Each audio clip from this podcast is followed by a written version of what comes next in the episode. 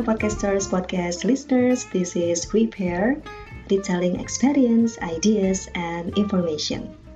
Dan ini adalah episode Repair yang ketujuh dengan judul Kamu Tidak Sendiri. Jadi judul ini bisa dibilang mewakili dua hal gitu ya. Yang pertama, format dari episode kali ini di mana saya nggak sendirian. Jadi saya nanti akan ngobrol-ngobrol sama seorang teman baik saya, namanya Ara Wiraswara. Jadi Ara ini beberapa minggu yang lalu dia meluncurkan satu inisiatif yang namanya Temanko atau Teman COVID-19. Jadi Temanko ini bisa dibilang semacam support group yang terdiri dari para survivor COVID-19 yang mereka ini ingin berbagi, berbagi support gitu ya, menjadi teman curhat terhadap mereka-mereka yang saat ini sedang berjuang untuk menyembuhkan diri dari COVID-19. That's why judul episode kali ini adalah Kamu Tidak Sendiri, yang bisa dibilang mewakili spiritnya dari temanku ini. Anyway, langsung aja kita simak. Ini adalah rekaman ngobrol-ngobrol saya sama Arawira Suara tentang inisiatif temanku. Sekarang uh, eh, gue udah sama bintang tamu kita hari ini. Ada Ara Wirasuara. Hai Ara. Ya, ini apa kabar? Nancy, udah lama banget ya. Kayaknya selepas kita di Pro 2 gitu ya, long-long time gue lu ke mana gitu untuk dengan uh, berbagai NGO NGO apa lingkungan gitu. Udah satu dekade lebih kayaknya Ra ya. Ini Iya satu dekade lebih bener. Eh, berasa iya nostalgia siaran tandem lagi tuh nggak? Siaran tandem ada Bu Heni gitu ya, ada Riko. Raka Rai, Raka Rai. Raka Rai Raka, Raka Rai loh. Salah ya gue. Salah itu. Iya, Ra, thank okay. you banget udah mau meluangkan Sabtu sorenya untuk sharing Siap. hari ini. Sebenarnya hmm. uh, beberapa hari lalu tuh gue sempat lihat IG story lo, Ra uh, selalu posting tentang salah satu inisiatif yang uh, lu lagi giatkan gitu ya namanya temanku. Terus ya sebelum gue japri lo, gue kepo-kepo dulu kan ya. apa ya ini temanku gitu dan uh, I find it very interesting, very inspiring gitu. Jadi ya gue pikir kayaknya gue perlu ngobrol banyak nih sama lo, Ra. Terus uh, ya supaya banyak uh, orang lain juga tahu tentang inisiatif ini. Nah, mungkin sebagai awalan lu bisa cerita hmm. dulu teman kok ini sebenarnya apa sih Ra? Terus apa yang menginspirasi lo? Kok akhirnya keidean gitu untuk uh, bikin teman kok? Oke. Jadi temanku ini inisiasinya sederhana sebenarnya gitu ya. Uh, kita uh, ingin mempertemukan mereka yang telah survive dari COVID-19 dengan uh, pasien COVID-19 atau mereka yang tengah berjuang dengan COVID-19. Kenapa ini penting dipertemukan gitu? Karena uh, kalau kata dokter, kalau kata Ikatan Dokter Indonesia, si pasien sembuh itu ada dua faktor gitu apa? Uh, gejala fisik ada dan gejala uh, gejala fisik itu atau gejala klinis gitu ya, sama gejala psikis yang uh, perlu didukung gitu gejala fisik atau gejala uh, psikis ini sembuh dengan mengikuti saran dokter, minum obat yang teratur, suplemen gitu untuk ininya. Sementara gejala klinis ini sangat tergantung dengan si pasien gitu untuk ininya. Dan bagi penderita COVID, uh, gejala psikis itu juga menjadi dominan gitu. Kenapa menjadi dominan? Karena kadang orang yang uh, dan mungkin kadang dan juga kebanyakan mungkin gue, bisa menyebutnya kebanyakan gitu ya uh, gejala klinis uh, gejala psikis seorang pasien COVID ini menjadi dominan. Menjadi dominannya kenapa? Karena uh, misal tetangga yang uh, karena mereka mungkin takut terus juga tidak paham jadi mereka uh, memiliki kekhawatiran berlebihan gitu. Dan juga memiliki stigma yang uh, kurang baik kepada si pasien dan keluarga. Ini menjadi satu tumpukan masalah tersendiri buat si pasien. Bayangkan kita sedang berjuang melawan uh, apa gejala fisik yang hebat, mulai mual, sakit kepala gitu ya demam gitu segala macam tiba-tiba dapat kabar gitu dari misal katakanlah uh, tetangga mulai menjauhi segala macam heboh omongan tetangga gitu itu kan jadi tambahan masalah buat si penderita pasien gitu untuk ini jadi kita ingin membantu uh, teman-teman yang sekarang sedang berjuang dengan COVID-19. Kita ingin uh, menjadi teman ngobrol mereka, jadi teman curhat mereka. Jadi kalau dulu mungkin tong sampahnya uh, para survivor ini jadi tong sampahnya segala keluh kesah para pasien COVID-19. Itu itu filosofi awalnya gitu. Kita ingin meringankan beban uh, psikis para penderita COVID-19. Karena uh, kenapa uh, si survivor ini uh, sangat mungkin untuk melakukannya karena mereka sudah uh, sudah pernah mengalami di posisi si pasien COVID-19. Jadi kalau pasien COVID-19 curhat bahwa saya kok ngerasa sendiri, uh, kita bisa ngomong I feel you uh, Bapak Ibu gitu ya. Uh, makanya uh, kita salah satu surat terbuka yang kita kirimkan ke pasien-pasien COVID-19. Nanti aku share ke Nanda gitu ya. Uh, itu juga bercerita bahwa Bapak dan Ibu kami pernah merasakan dalam posisi bapak dan ibu sesak nafas, demam gitu ya. Kita juga pernah merasa bahwa begitu beratnya tekanan stres uh, menghadapi COVID-19 ini gitu untuk ini ya. Jadi izinkan kami uh, sedikit berbagi dengan Bapak dan Ibu semua menjadi teman ngobrol Bapak dan Ibu semua gitu. Itu satu aspek gitu ya temanku. Ketika ide ini diobrolkan dengan uh, teman-teman di Salam Aid gitu ya. Salam Aid ini lembaga kemanusiaan uh, di Bogor gitu mereka melengkapi nih lainnya uh, highlight uh, pendampingannya ditambah tidak hanya soal mempertemukan survivor sama uh, pasien juga kita berpikir ketika misal ini misal Nans uh, ada seorang bapak terkena COVID-19 gitu kan. Otomatis itu satu rumah di lockdown kan. Mata pencarian hilang gitu ya. Maka perlu ada peran serta kita uh, menuntaskan oke okay lah mereka harus isolasi mandiri di rumah berarti kalau mereka tidak bekerja maka penting bagi kita untuk menjamin ketersediaan uh, uh, sembako buat uh, keluarga itu gitu untuk ini. Ini yang biasanya kita datangi uh, RT setempat gitu untuk ngobrol, Pak memungkinkan nggak kita nggak gandengan sama-sama salam ed support? gitu. Kita ngobrol ke kelurahan oh kelurahan siap support juga. Salam ed juga bersama temanku support juga gitu. Selang-seling untuk ini ya termasuk warga sekitar untuk melakukannya. Itu yang kita lakukan. Terus juga itu pendampingan psikis pendampingan ekonomi. Terus yang ketiga adalah edukasi warga gitu ya. Itu tadi edukasi warga uh, kayak malam kemarin kita baru pulang dari uh, Rancamaya tapi bukan di komplek Rancamaya ya. Itu uh, perkampungan di belakang Rancamaya bagus tertata di belakang gitu ya di belakang uh, daerah Kerta kita datang ke sana karena kita dapat cerita dari salah satu pasien COVID-19 tetangganya agak menjauh nih. Uh, keluarga merasa dikucilkan padahal saya saya udah udah saya sudah isolasi mandirinya bahkan saya ke Bekasi gitu rela meninggalkan rumah di tempat tinggalnya demi untuk menjamin keluarganya ini. Tapi tapi, katanya menurut si pendudukan si pasien uh, tetangganya agak menjauh untuk ini. Kita datang ngobrol dengan Pak RT-nya, dengan warga. Kita juga menjelaskan Bapak dan Ibu boleh takut, boleh khawatir dengan COVID-19, tapi kalau Bapak dan Ibu ingin apa? ingin warga Bapak Ibu ini cepat selesai dari COVID-19, yuk sama-sama bantu. Bantunya dengan apa? Bantunya dengan itu tadi uh, apa mensupport uh, terus tidak ngobrol aneh-aneh gitu. Virus itu tidak akan menembus dinding kok Bapak dan Ibu semua gitu untuk ini. Jadi selama kita Bapak Ibu apa tertib menggunakan masker, masker yang bagus gitu ya. Terus si keluarga juga melakukan isolasi isolasi mandiri dengan baik, insya Allah tidak akan tertular gitu. Itu yang kita coba uh, kita sampaikan ke warga gitu ini. Uh, itu tiga aspek pendampingan itu, kemudian uh, yang juga yang kita kuatkan adalah sisi spiritual si pasien gitu untuk ini. Kita menggandeng teman-teman hijrah teman-teman hijrah untuk bikin semacam voice note gitu ya. Kalau pasiennya muslim, kita kirim gitu voice note uh, semangat menjalani apa uh, cobaan gitu segala macam supaya mereka tetap semangat gitu. Kebetulan di survivor kita ada pendeta yang gabung gitu.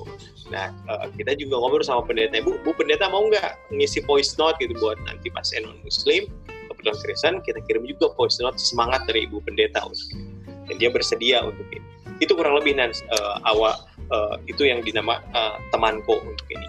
Mm-mm. kayak voice yeah. note tadi berarti itu udah kayak WhatsApp grup gitu ya, Ra ya? Ya, betul. Jadi nanti eh, kan pendampingan yang dilakukan oleh si survivor itu ya teman ngobrolnya via WA gitu, via WA. Uh, kita harapkan tiap hari ngobrol dengan teman WA-nya gitu ya, dengan tem uh, dengan teman uh, dengan para pasiennya gitu untuk ininya dan sesekali kita kirimkan voice note uh, hmm. sisi spiritualnya itu untuk menguatkan uh, mental uh, para penderita pasien COVID-19 gitu. Oke. Okay. Nah, uh, sampai sekarang di grup yang udah tergabung di temanku ada berapa baik yang misal mungkin survivor ya dulu nih gitu yang uh, ingin berbagi dan jadi teman curhat sama mereka-mereka uh, yang sekarang lagi struggling untuk menyembuhkan diri. Total ada berapa orang-orang? Jadi kita bikin grupnya terpisah gitu ya. Yang pertama yang kita bikin grup itu grup relawan gitu, survivor totally sejak open recruitment di bulan awal September sampai sekarang kita sudah bergabung 32 gitu untuk ini ya. 32 hmm. orang yang menyatakan siap menjadi pendamping gitu ya. Jadi itu yang uh, kadang-kadang gue juga suka amazing gitu ya. Uh, kita belum baru baru tadi ngadain pertemuan uh, pertemuan tatap muka gitu ya. Sebelumnya uh, via WA saja orang uh, daftar di Google Form gitu ya. Kemudian sudah daftar uh, kita lihat rekam apa uh, kita kan juga punya kalau untuk survivor ini kita punya data dari Dinkes. Dia sembuhnya uh, dia pernah dirawat di ICU kah gitu segala macam. Karena ini kan kerja bareng sama Dinkes gitu ini dinas kesehatan. Jadi kita punya data oh ini pernah di ICU ini pernah gejalanya seperti ini gitu untuk ini jadi datanya relatif lengkap gitu dan kemudian ada ada data pasien masuk karena pasien kan datanya konfidensial apa rahasia banget ya. Jadi kita kadang-kadang uh, mendapatkan data pasien itu uh, pertama sumbernya dari dinas kesehatan.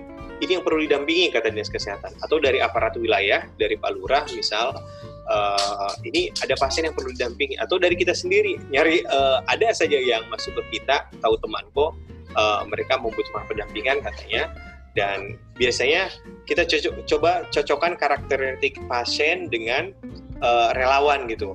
Oh ini ada yang bisa ngeblend nih. Ya, kita coba sampaikan ke relawan mau nggak mendamping ini usianya uh, 17 tahun misal untuk ini ya. Uh, gejala klinisnya tidak terlalu uh, tidak terlalu bagus gitu untuk ini dan juga psikisnya perlu penguatan misal untuk ini. Oke okay, uh, ya mereka langsung melakukan hubungan gitu dan uh, yang namanya apa ya orang belum pernah ketemu gitu baru chat WA gitu ya. Tapi ternyata mungkin karena didasari semangat untuk membantu banyak yang begitu cepat nyambung gitu begitu cepat nyambung begitu banyak uh, trust yang terbangun dan akhirnya uh, seperti yang pernah gue share beberapa waktu lalu di IG gitu ya uh, dari salah satu survivor bahasa tank fuelnya seorang pasien akhirnya selesai dengan COVID-19 dia berterima kasih ke survivor yang uh, udah ngebantu dia gitu udah menyemangati dia segala macam. Jadi kadang-kadang suka amazing juga gitu ya hubungan via WA baru WA segala macam sudah terbangun trust yang sangat luar biasa. Itu itu sangat-sangat mengharukan sih bagi gue untuk ini nah, gitu. Kalau untuk pasien sini kita belum ada grupnya. Uh, jadi pasien itu hanya diketahui oleh para survivor sama kita yang uh, mengelola yang mengelola data pasien. Karena itu tadi pasien ini sesuatu yang uh, orang juga kalau diketahui positif juga uh, bakal rame gitu kan jadi kita uh, sangat rahasiakan pasien uh, data pasien ini gitu. Oke, okay. hmm. nah Ara kan waktu itu uh, one of the survivor juga ya Ra ya. Hmm. Yeah. Mungkin boleh cerita dikit nggak Ra uh, hmm. perjalanan lo gitu naik turunnya uh, mental condition lo gitu hmm. ketika pertama kali tahu terus uh, dalam perjalanan struggling itu untuk proses recovery-nya itu dinamikanya seperti apa sih Ra? Terus pada saat itu apa yang yang memotivasi Ara untuk yuk ayo bisa nih gitu untuk optimis hmm. bisa bisa sembuh. Betul. Jadi uh, gue termasuk karena generasi awal COVID gitu ya. Jadi aturan-aturannya kedua juga, ya, Ra, ya? Iya. Di Bogor itu case kedua. Ya. Uh, ya Pak Wali 01, gue 02 gitu nih, 02. Yeah, yeah. Jadi dirawatnya juga bersebelahan gitu mungkin ya, dengan mm -hmm. uh, Pak Wali Kota gitu mungkin. Jadi tahu kabar positif itu tanggal 15 kan. Uh, di swab tanggal 17, uh, malamnya baru tiba kan dari uh, luar gitu. Malam tanggal 16 itu semua udah dapat kabar uh, gue karena gue ngerasa uh, demam di, di Turki terus di Azerbaijan juga badan nggak nggak enak gitu ya maka sebelum pulang itu gue sebenarnya tanggal 16 malam itu memutuskan rapid test dulu di salah satu rumah sakit yang di Pangrango Plaza itu ya. Uh, di situ keluar. Tidak ada tanda-tanda pak. Aman gitu. Tapi disarankan tetap isolasi di rumah gitu. Ya gue udah pede kan. Uh, waktu ditawarkan untuk di uh, swab besoknya gue nolak tuh. Uh, saya hasilnya bagus kok gitu untuk ini. Karena capek banget gitu mau istirahat. Tapi Pak karena Bapak ada riwayat demam harus tetap swab. Oh ya udahlah swab gitu untuk ini. tanggal 17 dengan uh, dengan badan yang memang nggak enak badan banget nafsu makan udah hilang tuh waktu itu udah udah semuanya eh, nggak uh, enak aja untuk ini ya. Tapi tidak pernah terbayangkan bahwa itu akan menjadi positif COVID di tanggal 17 di swab. Uh, selama menunggu swab itu nggak bisa tidur, nggak bisa tidur karena badan sakitnya minta ampun gitu untuk ini ya. Sakit badan yang uh, apa ya, benar-benar nggak bisa tidur gitu. Dua uh, tiga tiga malam yang itu nggak bisa tidur badan kuyu gitu untuk uh, ininya gitu. Tanggal 17 eh 19 malam dikasih kabar uh, positif gitu ya jam jam 9 malam lah ya. Kasih kabar bahwa saya positif. Cedera gitu waduh positif covid gitu. Wah udah tiba-tiba aja nah yang tadinya uh, cuma batuk demam dan sakit badan itu tiba-tiba sesak gitu tiba-tiba sesak gitu. Dan gue tiba-tiba terpikir yang udah aneh-aneh aja kan gitu. Karena informasi covid itu begitu menyeramkan kan mungkin. Jadi uh, udah bingung aja ini ngapain. Untung istri itu tipikal yang tegar gitu. Jadi uh, mungkin dipasangkan itu karena itu kali ya ada saling melengkapi gitu. Istri yang lagi hamil gede gitu muatin gitu. Mau beres-beres baju juga uh, udah udah udah saya larang kan gak usah gak usah. Ini ini udah positif covid ini gawat nih untuk ini. Istri kan lagi hamil gede juga. Beres-beres baju sendiri seadanya jam setengah 12 lah dijemput ambulan ke sini untuk ini ambulan dengan pakaian hazmat gitu ya. Uh, dan masuk ambulan masuk ambulan udah udah bawaannya pengen nangis aja gitu ya. Aduh ini kok kenapa kenapa kenapa gua gitu ya untuk ini udah mikir aneh-aneh aja. Uh, wah ini bakal wah udah mikirnya udah aneh-aneh lah sepanjang di ambulan itu ya. Untung yang menemani di ambulan itu bagus juga dia uh, apa coba menenangkan gitu ya. Hari pertama hari kedua hari ketiga itu sama kondisinya sakit badan dan nggak bisa tidur untuk ininya. Uh, dikasih obat tidur juga enggak agak mempan gitu hari kelima dapat kabar kolega meninggal gitu kan. Uh, dokter Budi almarhum untuk ini sama uh, orang dinas kesehatan. Itu juga membuat uh, yang tadinya udah memupuk harapan gitu ya itu drop lagi gitu nggak bisa tidur juga gitu untuk uh, memikirkan waduh jangan-jangan giliran berikutnya nih untuk ini ya gitu ya. Agak sempat kepikiran juga tuh untuk ini ya tapi sudah uh, beberapa hari kemudian agak membaik tuh seminggu pertama udah membaik tuh demam udah udah nggak ada lagi gitu ya Uh, jadi paracetamolnya di stop, cuma memang batuk berdahaknya yang masih aja uh, ada gitu. Sama uh, mualnya, mualnya yang masih ada gitu. Di tes uh, di tes di total di 22 hari di rumah sakit gitu ya. Uh, akhirnya pada akhirnya dokter meminta uh, dilanjutkan isolasi mandirinya di rumah gitu. Karena gejala gejala psikisnya eh gejala klinisnya sudah tidak ada kata dokter. Walaupun waktu itu waktu dipulangkan itu SOGT saya masih kurang bagus lah. Fungsi hatinya masih uh, belum bagus gitu untuk ini. Tapi kata dokter udah aman lah. Karena uh, udah udah 22 hari juga gitu ya uh, mungkin virus uh, virusnya juga udah melemah katanya jadi diizinkan pulang tapi harus tetap menjalani isolasi mandiri di rumah. Gue pikir gitu ketika pulang ke rumah apalagi juga selesai dua minggu dua minggu uh, seminggu dua minggu selesai lah ya gitu untuk ini. Ternyata gitu setelah habis lebaran gitu masih saja untuk ini. Jadi ada kabar baik itu waktu Juni minggu kedua Juni minggu kedua itu swab ke 11 itu negatif gitu. Wah wow sampai 11 swab gitu ya? 11 untuk ini ya. Hmm. Uh, karena udah dapat hasil negatif, dokter bilang besok dites swab lagi ya pak untuk ini supaya dapat dua kali berturut. Oh semangat lah. baik doksa waktu gini ya. Dan lu ujiannya ternyata di situ. Ke-12 balik positif untuk hasilnya. Ah itu luar biasa yang tadinya bahagia berbunga-bunga bro gitu untuk ini 12 13 14 15 semuanya positif coba bayangin.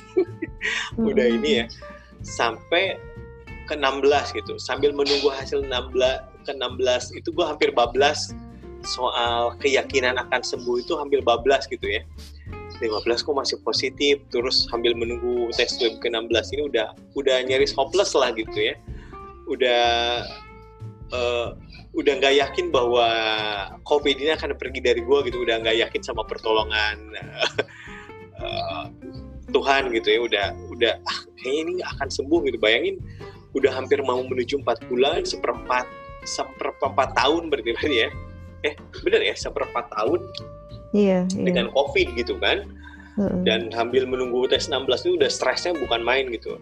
Jadi ini ini cerita yang pernah gue bagi ke hanya beberapa orang saja sih gue pernah bagi gitu ya. Jadi gue menunggu hasil swab 16 gue izin ke istri pagi-pagi uh, karena masih pagi orang juga belum uh, belum pada kenal uh, belum pada bangun maksud gue gue lari pagi terus kebetulan di rumah dekat komplek rumah itu kan ada ada jala gerbang tol eh bukan gerbang tol apa jembatan tol itu ya gue nongkrong di situ sambil bengong aja gitu ya memikirkan gitu ini sembuh apa enggak gitu. Uh, kok Tuhan ngasih ujiannya panjang banget gitu empat bulan gitu. Nggak bisa ngapa-ngapain gitu. bisa ngapa-ngapain sih kerja di rumah gitu ya. Memang membantu beberapa hal di rumah. Uh, cuma kan yang namanya sebagai makhluk sosial uh, terkungkung di rumah itu luar biasa gitu ya. Jadi hampir saja gitu di jembatan itu ada sebuah kesimpulan uh, eh, gue menuntaskan hidup gitu untuk ini. Nah ya uh, tapi alhamdulillahnya keburu ada momen yang menyelamatkan gue gitu. Tiba-tiba aja ada anak kecil lewat-lewat gitu untuk ini. Tiba-tiba aja gue ingat anak gitu. Ya udah baliklah ke ke rumah. Uh, seperti biasa saja datang ke rumah ke istri ngobrol untuk ini ya. Jadi itu tadi momen-momennya luar biasa uh, luar biasa lah ya bagi gue karena uh, begitu panjang gitu begitu panjang karena waktu itu memang tuntutannya harus dua kali negatif berturut-turut gitu. Itu yang bagi gue oh gitu. Kalau mengingat masa-masa itu itu uh, uh, apa gue nggak kehitung kali ya nangisnya berapa kali gitu gini ya di tengah malam nangis gitu untuk ini ya nangis kenapa nggak selesai selesai gitu untuk ininya gitu. Apalagi waktu bulan Juni itu kan istri udah 9 bulan kan waktu bulan Juni. Uh, eh, 9 bulan mau melahirkan gitu mau pikir oh gue harus sembuh nih Juni itu harus selesai lah gitu. Ternyata mendekati istri lahiran juga belum selesai juga kan tambah panik tuh untuk ini ya. Uh, harus mendampingi istri kan gitu. Sampai sampai cerita gue pernah diusir di IGD rumah sakit kan gitu karena bawa istri udah udah mau bukaan istri itu kan. Gue sama-sama istri berangkat ke rumah sakit gitu untuk ini ya. Uh, untuk ke IGDP rumah sakit di Jalan Pajajaran tuh untuk ini ya karena mungkin mereka juga tahu rekam rekam medis gue gitu ya. Uh, waktu itu gue gue udah bilang uh, apa gue diizinkan untuk menemani karena gue udah satu kali negatif gitu. Kalau menurut WHO udah sembuh gitu. Tapi tetap rumah sakit tidak berkenan dan itu tadi oh, sampai apa agak kenceng ngomongnya bapak tunggu di luar saja panggil uh, saudara yang lain gitu gini aduh ya Allah itu luar biasa banget ya gitu untuk ini ya. Untuk uh, istri jiwa struggle-nya luar biasa. Kalau istri sama-sama uh, melodramatik gitu ya oh, mungkin gue nggak nggak tahu endingnya seperti apa gitu. Cuma istri menjadi penyeimbang gitu. Gue yang agak melodramatik jadi istri agak menyeimbangkan. Jadi alhamdulillah uh, sesuatu yang waktu itu berat bisa kita lewati gitu ya. Termasuk ketika anak ketiga lahir gitu untuk ini. Itu sih kurang lebih. Tanggal berapa anak lahir tanggal 27 Juni. 27, 27 Juni. Itu momen-momen yang nggak akan gue terlupakan gitu ya. Gue semangat mendampingi istri gitu ya. Terus diusir sama petugas IGD gitu untuk ini ya. Dan gue uh, gue sempat protes juga. Ini uh, maksud gue istri gue mau melahirkan gitu ya. Masih sempat sempatnya orang-orang ketubannya udah pecah masih sempat sempatnya harus di ronsen ulang gitu. Gue pikir padahal dia istri gue itu udah mengantongi rapid yang non reaktif gitu ya terus kita kita udah store hasil apa? Hasil ronsen gitu ya di walaupun ronsennya di puskesmas. Itu udah udah kita storekan gitu. Ternyata udah ketubannya pecah masih harus di ronsen ulang di rumah sakit tersebut. Itu gila kan untuk ini gue sampai gue protes tapi uh, itu tadi. Uh, gue bersyukur istri gue punya punya hutang banyak banget sama istri gitu ya dalam fase empat bulan ini uh, perjuangan dia sangat luar biasa gitu. Apa uh, memerankan sebagai seorang ibu sebagai seorang istri yang rawat suaminya. Dan waktu itu kita memberhentikan uh, sementara orang yang kerja di rumah gitu. Karena khawatir juga menular ke ini kan ke orang tersebut gitu. Jadi kita berhentikan. Pokoknya semua hal dilakukan oleh dia di tengah hamil yang gede gitu ya. Cuci baju gitu. Cuci baju uh, masak gitu. Terus anak-anak kan waktu itu dua anaknya dua itu sekolah kan. Semuanya harus uh, dikerjain sama ibunya kan gitu untuk ini. Dan ada satu momen yang bikin gue nangis itu waktu uh, dia belum belum melahirkan belum melahirkan gitu ya. Pagi-pagi dia udah udah bangun udah nyuci piring segala macam. Waktu itu dia belum belum off dari pekerjaan kantornya. Uh, jadi waktu itu di drop kebetulan istri punya skill menjahit gitu ya. Di drop banyak sekali jahitan gitu. Uh, banyak sekali jahitan. Dia mungkin udah agak kelelahan gitu ya. Menyiapkan segala macam dari masak nyuci ngepel gitu ya. Terus ngerjain PR anak-anak gitu ngebantu PR anak-anak. Terus masih ngejahit gitu. Terus dia ketiduran gitu. Terus gue uh, dari kamar gue uh, mau ke kamar mandi gitu kan. Gue ngeliat istri gue ketiduran asli dengan jahitannya yang belum dia belum dia lepas gitu ya. Allah itu gue sebagai laki-laki jujur uh, apa ya? Aja uh, uh, ini uh, istri gue berjuangnya struggle banget gitu. Uh, struggle banget gitu dan dan itu tadi uh, gue catat dalam diri gue sendiri gitu ya. Uh, gue harus bahagiain dia gitu. Gue harus bahagiain dia nggak boleh ngecewain dia gitu dan momen itu uh, kalau inget itu gue suka suka ngerasa bersalah gitu ya ke istri gitu ya. Uh, apakah gue udah menjadi suami dan ayah yang baik buat anak-anak gitu ya. Ngelihat perjuangan istri sampai segitunya gitu untuk itu. Itu uh, luar biasa lah empat uh, bulan uh, dengan covid itu ya. Gitu Nats. Yeah. kalau cerita tentang isi momen itu gue selalu uh, apa uh, gak bisa untuk tidak terharu. Luar hmm.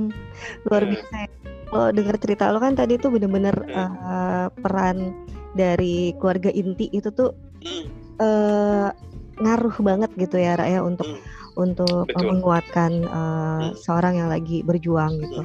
Nah, uh, gue wondering aja sih di temanku ini selain mendampingi uh, pasiennya hmm.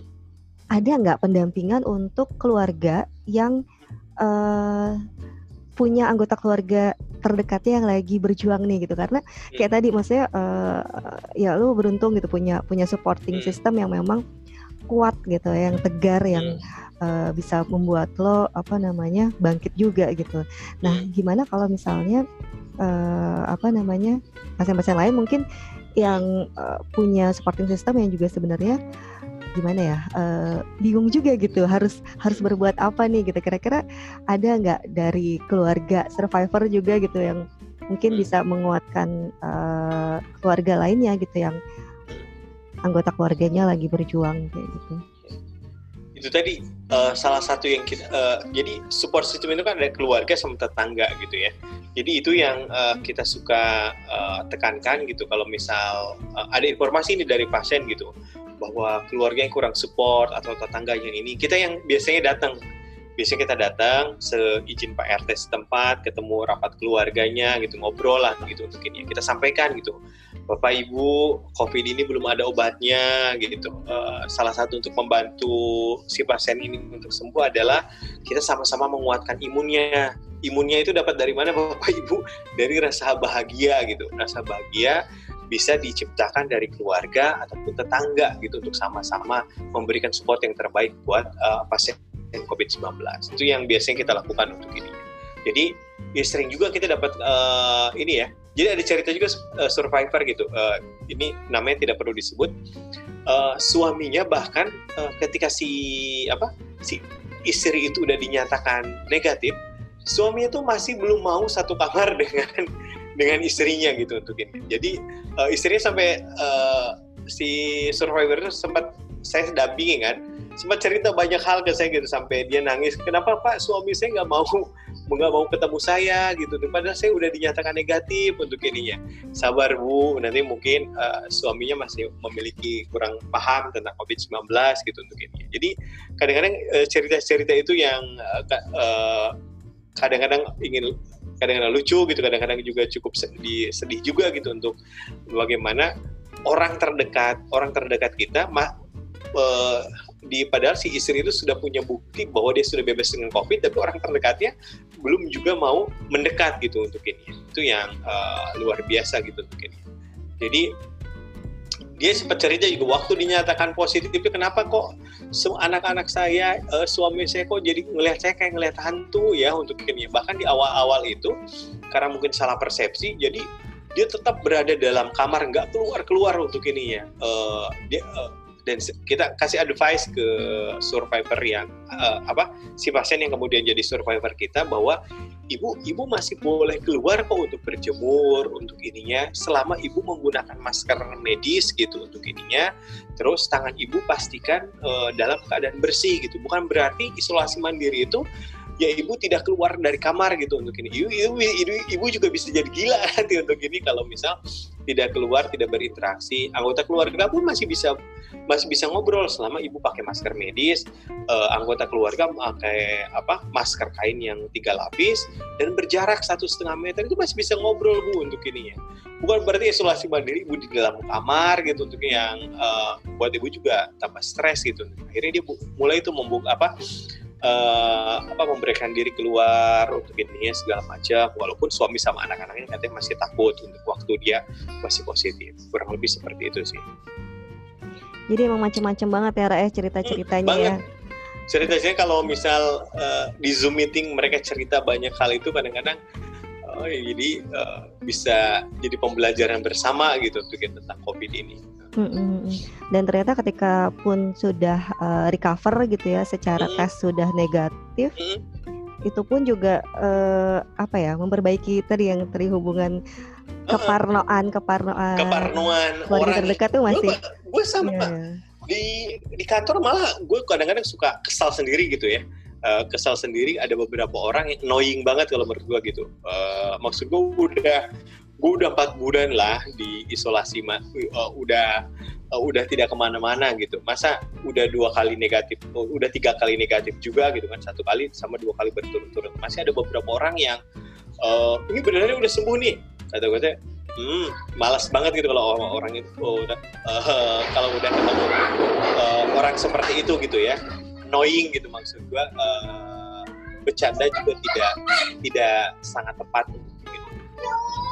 itu gue gue juga ngalamin gitu beberapa hal ketika berinteraksi di apa di kantor gitu terutama di kantor lah mungkin tapi uh, tidak usah diambil hati ke uh, dalam hati gue nggak usah diambil hati lah untuk penting gue fokus kira-kira apa yang bisa gue lakuin ya sekarang yang gue lakuin adalah itu tadi uh, mau apa uh, mau membuat inisiasi gerakan sederhana dan kecil ya bernama temanku ini.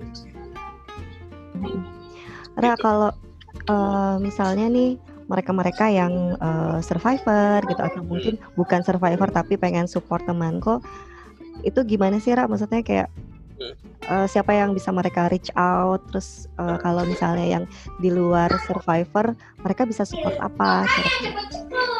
Jadi uh, survivor uh, bergabung menjadi relawan uh, temanku dalam konteks nanti mendampingi uh, mendampingi pasien COVID-19 dan juga melakukan edukasi ke masyarakat gitu. Masyarakat juga perlu diajak uh, uh, diajak COVID itu bukan konspirasi atau tidak nyata gitu. Kami adalah bagian yang pernah mengalami COVID-19. Jadi kalau keluar please pakai masker gitu ya uh, rajin cuci tangan segala macam karena itu teman-teman survivor juga menjadi bagian dari tim kampanyenya uh, pemerintah kota Bogor gitu ya jadi kalau ada event-event apa uh, beberapa survivor kita hadirkan untuk meyakinkan masyarakat COVID itu memang ada bapak dan ibu semua uh, setiap orang pasti punya cerita macam-macam tentang COVID. Jadi mari jaga diri masing-masing dengan masker dan lain-lain. Itu yang uh, untuk relawan uh, survivor. Yang kedua, masyarakat juga bisa mensupport gerakan ini karena itu tadi uh, kita juga melakukan misal pendampingan ekonomi, pendampingan ekonomi bagi warga terdampak gitu. Jadi yang kita lakukan adalah kalau ada salah satu keluarga, terutama dari kalangan tidak mampu, yang salah satu anggota keluarganya terkena COVID, kita akan support uh, sembako, uh, multivitamin segala macam sampai nanti salah satu anggota keluarganya dinyatakan sehat. Jadi bagi yang memang bukan survivor bisa dukung uh, dukung gerakan temanku ini dengan mensupport dana. Kita galang kampanye finding uh, uh, apa fundraising lewat kita bisa benih baik terus juga gogipnya Gojek gitu untuk ininya. Terus juga ada beberapa uh, kedai kopi yang juga kita ajak kerjasama. Itu sudah ada tiga kedai kopi yang uh, terlibat. Ada Circulo Cafe Third Wave Cafe yang ada di Barenang Siang ada Hapa Kopi juga mereka yang juga sudah uh, tergerak untuk uh, bersama-sama gabung dalam inisiasi kebaikan ini. Gitu Nancy. Oke. Okay, Jadi uh, boleh eh, promo juga nanti. Kita bisa masih ada ya. Noreknya ada ada ada. nanti gue share ke lu ya. ya siap. Nanti uh, ada juga di description di podcast gue okay. deh. Uh, siap. Nah, ini kita berasa banget ya di Bogor dengan back hmm. sound suara petir. Petir betul betul. Untuk menunjukkan ini Bogor begini ya benar-benar. uh, Ra mungkin ini Ra apa namanya buat buat penutup ngobrol-ngobrol hari ini eh, kata-kata motivasi lo buat uh, mungkin dua ya gitu yang pertama buat mereka-mereka yang sekarang pasien COVID-19 lagi berjuang untuk sembuh sama keluarganya yang uh, apa namanya anggota keluarganya sekarang saat ini sedang berjuang. Oke. Okay.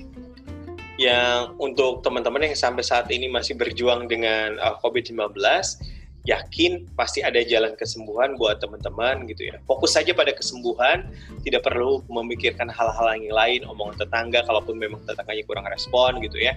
Fokus saja pada penyembuhan karena uh, banyak kok uh, uh, apa tingkat kesembuhan COVID itu lebih banyak dibanding tingkat apa uh, kematian gitu. Data statistik membuktikan itu dan alhamdulillah uh, sebag uh, kami yang ada di temanko adalah bukti bahwa COVID bisa dilewati dengan baik selama Bapak Ibu semangat menjalani apa mengikuti nasihat para dokter dan juga uh, berusaha untuk selalu positive thinking bahwa pertolongan Tuhan, pertolongan Allah itu dekat selama kita terus berupaya uh, apa berdoa, berdoa dan juga berusaha gitu. Jadi boleh merasa putus asa pada satu titik tapi pastikan putus asa itu hanya berupa jeda sedikit untuk terus uh, memohon pertolongan dan juga kesembuhan kepada yang, yang pemilik hidup untuk ini.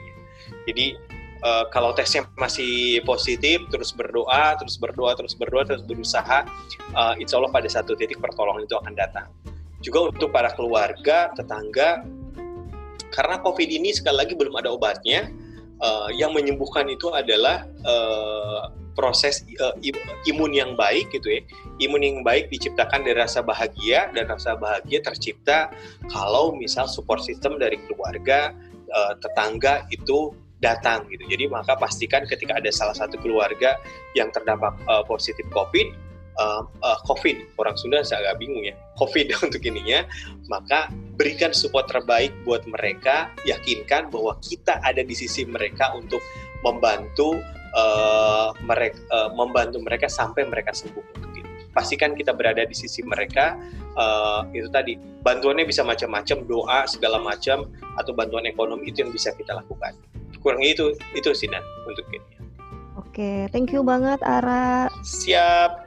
Mudah-mudahan Terima kasih uh, banyak gue yakin banget sih ini sangat uh, hmm. bermanfaat buat mereka-mereka uh, yang saat ini sedang berjuang gitu ya karena Betul ya benar yang tadi lo udah ceritain gitu karena mental support tuh kayak hmm. luar biasa banget di, hmm. dibutuhkan gitu ya di saat-saat down uh, seperti yang sedang dialami mereka-mereka yang sedang berjuang ini gitu nya juga keluarga-keluarga hmm. maupun orang sekitar yang mendampingi hmm. juga ya oke okay, thank you banget Ara siap dan Ntar kita ngobrol-ngobrol lagi banyak. ya Oke, itu tadi ngobrol-ngobrol saya sama Ara Wirasuara, Mudah-mudahan ada faedahnya buat podcasters, podcast listeners yang mungkin saja saat ini sedang berjuang untuk menyembuhkan diri dari COVID-19 atau mungkin anggota keluarga Anda atau teman terdekat Anda adalah mereka-mereka yang saat ini sedang dalam proses recovery.